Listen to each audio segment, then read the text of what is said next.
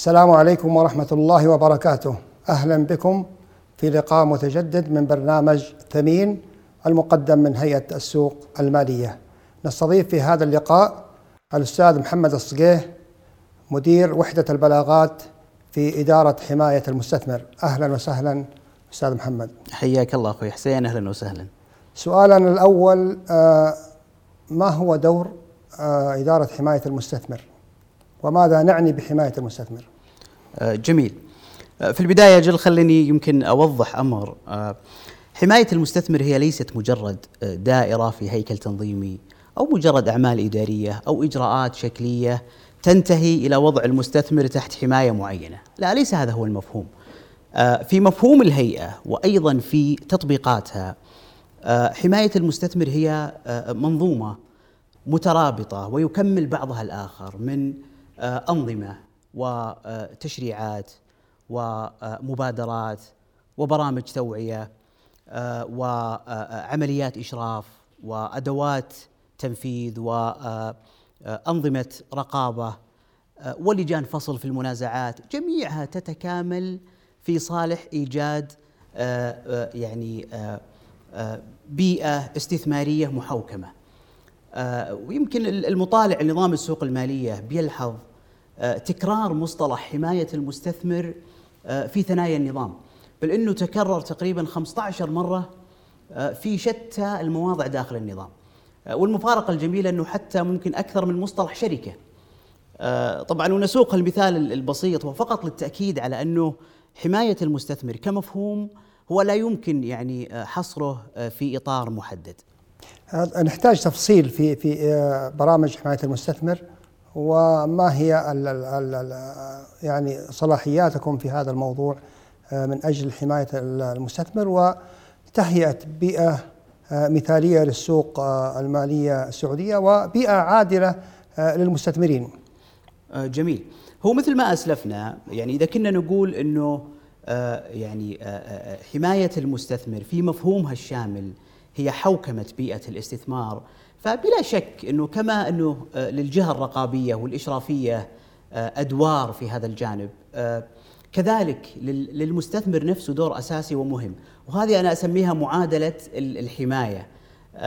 الأدوار الإشرافية والرقابية من الجهات التنظيمية إلى جانب الدور الوقائي من المستثمر نفسه من خلال الاطلاع والوعي و يعني معرفة وش اللي له وش اللي عليه. نصل إلى نتيجة هذه المعادلة اللي هي حاصل الجمع بين هذه الأدوار كلها الأدوار التنظيمية والأدوار الرقابية والأدوار الوقائية. طبعا إحنا نلحظ في الآونة الأخيرة يعني جهود متميزة في حماية المستثمر من تقديم المخالفين لهيئة السوق لأنظمة هيئة السوق المالية إلى الجهات العدلية وبالتالي أعتقد إنه هنالك يعني حراك قوي من هيئة السوق المالية، هل لك أن تسلط لنا الضوء على هذه الجهود التي وما أثمرت عنه خلال الفترة الماضية؟ جميل، هو في الواقع يعني جهود الهيئة ما تسعى هذه الدقائق لكن الواقع أيضا هو أينما امتدت يد التحسين والتطوير في الهيئة حتما ستعود بشكل أساسي أو ضمني على تعزيز ثقة المستثمر في السوق المالية من خلال الجهود المبذولة على محور حماية المستثمر. وعلى سبيل المثال لو يعني نظرنا إلى جهود الهيئة في ميدان تطوير وتحسين الأطر التشريعية مثل ما تفضلت الهيئة يمكن خلال السنتين الماضية أصدرت أو أو يعني حدثت أكثر من 18 لائحة تنظيمية بالإضافة إلى تعديل نظام السوق المالية اللي حدث في في السنوات القليلة الماضية. وإذا نظرنا يعني بشكل مجمل إلى هذه التحسينات والتحديثات نجد بوضوح أنه للشأن الخاص بحماية المستثمر النصيب الأوفر والأوفى ويعني الأولوية دائما في هذا المضمار. على على الجانب الآخر الهيئة كذلك لديها جهودها في في ميدان المبادرات التوعوية الهيئة لديها جهودها في منصة ومشروع ثمين اللي أتحدث أنا وياك من خلاله اليوم واللي يعنى بتعزيز الوعي المالي والثقافة الاستثمارية والادخارية ويقدم النصائح والإرشادات والتوجيهات لعموم المستثمرين. الهيئة كذلك لم تغفل يعني جانب البناء الثقافي والمعرفي وعندها مشروع المستثمر الذكي اللي يركز على فئة النشء والأجيال القادمة ويهدف إلى يعني مساعدة وتسليح هذه الفئة بالمعرفة الضرورية واللازمة آه، يعني للتعامل مع المال وأوجه الصرف والادخار والسلوكيات المالية بشكل عام. آه، كذلك للهيئة جهودها في مجال آه، تلقي بلاغات وشكاوى المستثمرين وبالمناسبة تنظر الهيئة دائما إلى إلى شكاوى وبلاغات المستثمرين من خلال عدستين عدسة المعالجة والحلول وعدسة يعني الاستفادة من هذه التغذية الراجعة من من السوق يعني تلمس مواطن التحسين والتطوير من خلال هذه المشاهدات المجانية اللي تقدم من خلال المستثمرين أنفسهم. ماذا نعني بالدور الوقائي أو أو ما تقصدون به معرفة المستثمر ما له وما عليه؟ جميل. طبعا ممكن نوضح الأمر لو لو تصورنا أن الاستثمار هو عقد متعدد الأطراف ينظم علاقة تعاقدية بينك وبين الأطراف اللي معك في هذه العلاقة. وسيطك الاستثماري طرف في هذه العلاقة الشركة اللي تستثمر فيها والشركة المدرجة طرف في هذه العلاقة الجهة الرقابية طرف معك في هذه العلاقة وبالتالي معرفة حدود الارتباط بينك وبين هذه الجهات وش اللي لك وش اللي عليك تجاه كل طرف هو أمر مهم جدا. طبعا نقصد باللي لك واللي عليك اللي هي الحقوق والالتزامات. وهذه الحقوق والالتزامات في أصلها هي نصوص نظام السوق المالية ونصوص اللوائح التنفيذية وقواعد السوق. ولأنها مفصلة يمكن في مواضعها تفصيل قد يعني يشق على المستثمر العادي الوصول لها ويعني فهمها بصورة ميسرة.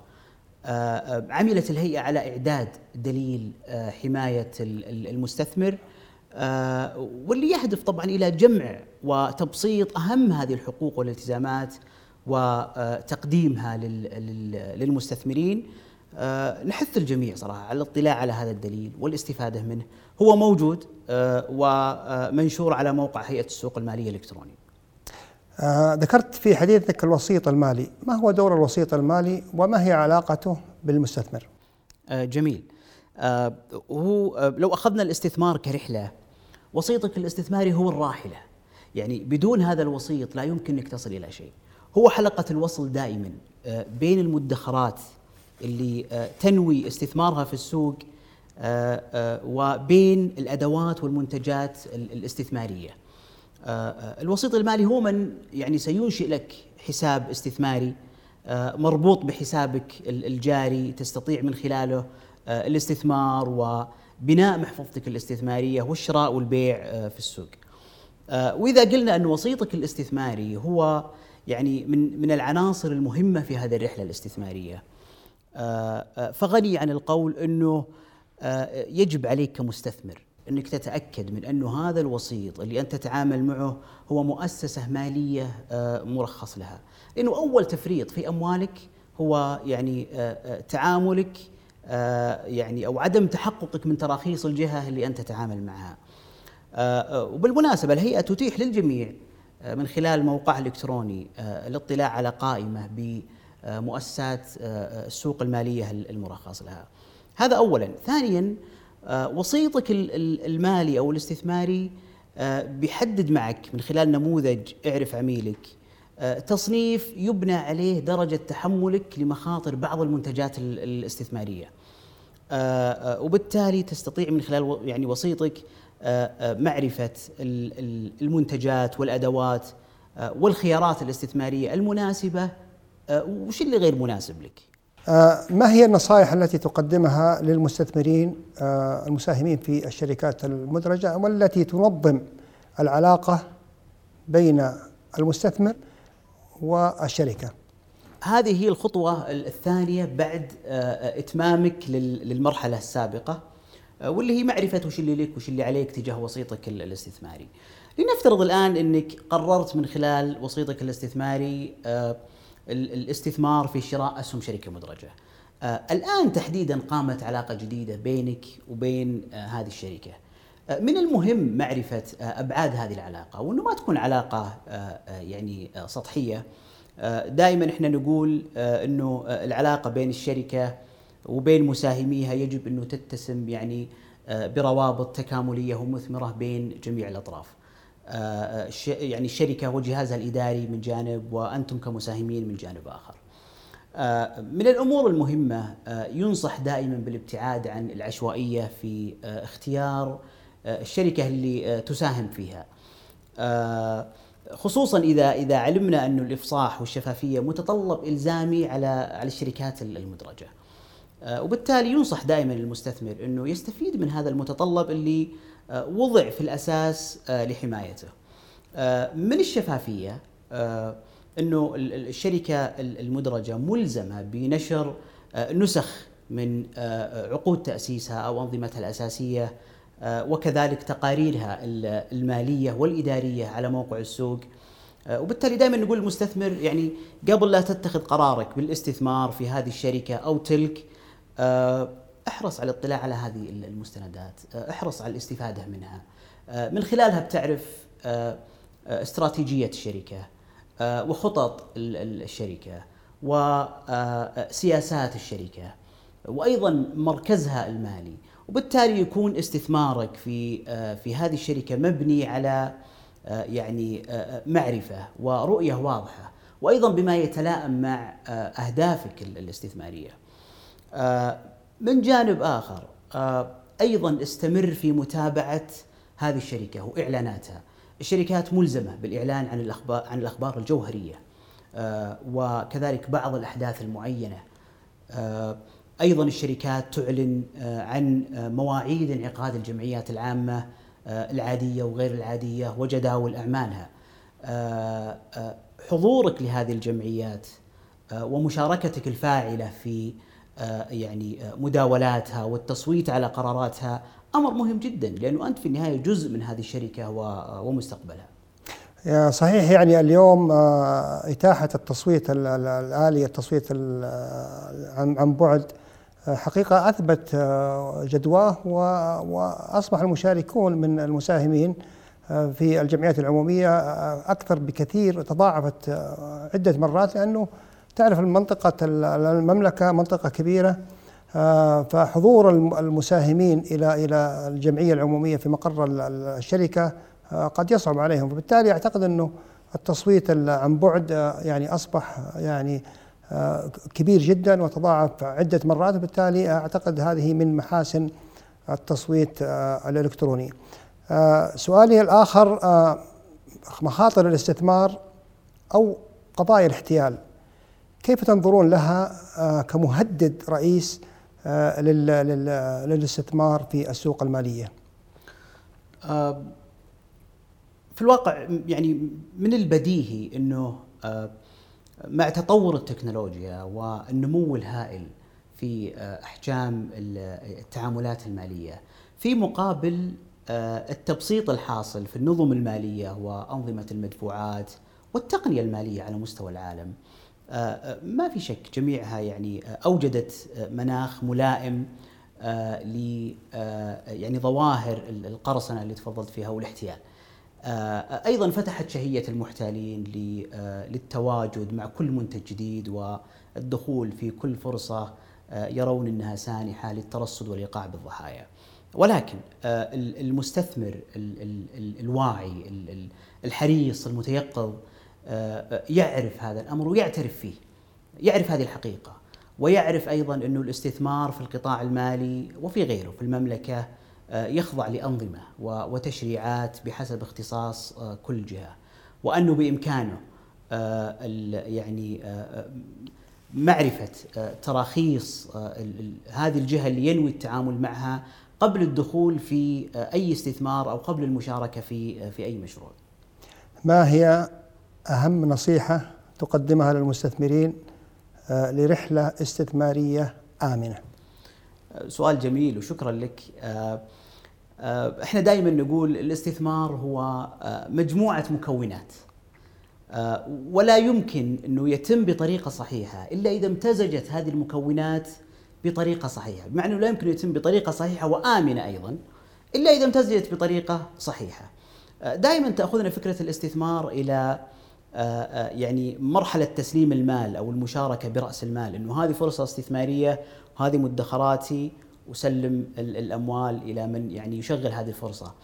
آه، هذه لا شك إنه خطوة في العملية الاستثمارية ولكن بالمناسبة هي خطوة خطيرة جدا إذا لم توضع قبلها المكونات الأخرى للاستثمار.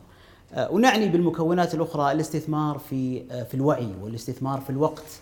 استثمر في وعيك يعني في الاطلاع والبحث والاستقصاء واختيار الفرصة المناسبة وقبل لا تصل إلى مرحلة إنك تتخذ قرار بتسليم أموالك استثمر أيضا أو يجب إنك تستثمر جزء من وقتك يعني في التخطيط وفي سؤال آه، آه، المختصين وأهل المعرفة في هذا المجال من المرخص لهم طبعا.